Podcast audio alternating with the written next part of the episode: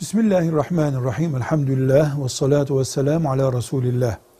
Kadın kocasına beddua edebilir mi? Ederse tutabilir mi?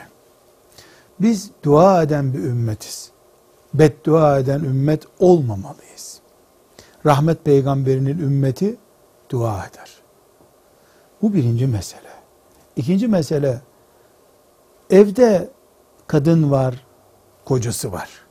Çocuk var, çocuğun babası var. Sokakta muhtar var, karakol var, devlet var, jandarma var, polis var.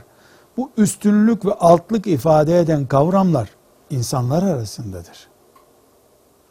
Bütün insanlar da Allah'ın kuludurlar.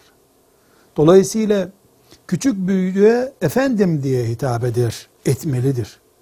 Bir büyüklük ve altlık var ortada.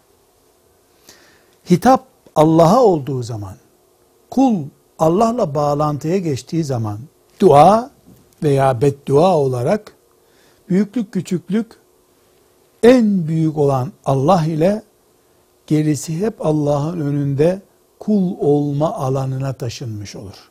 Dolayısıyla kadın erkeğin eşidir. Erkek bir puan öndedir diye derdini Allah'a açamaz denemez. Kadın da, erkek de, baba anne de, çocuk da dua da eder, beddua da eder. Annenin bedduası çocuğuna tutar mı? Fena tutar. Peki çocuk annesini Allah'a şikayet edemez mi? Eder tabi. Yapmalı mı? Yapmamalı. Ayrı bir konu. Ama Allah bütün kullarının Allah'ıdır.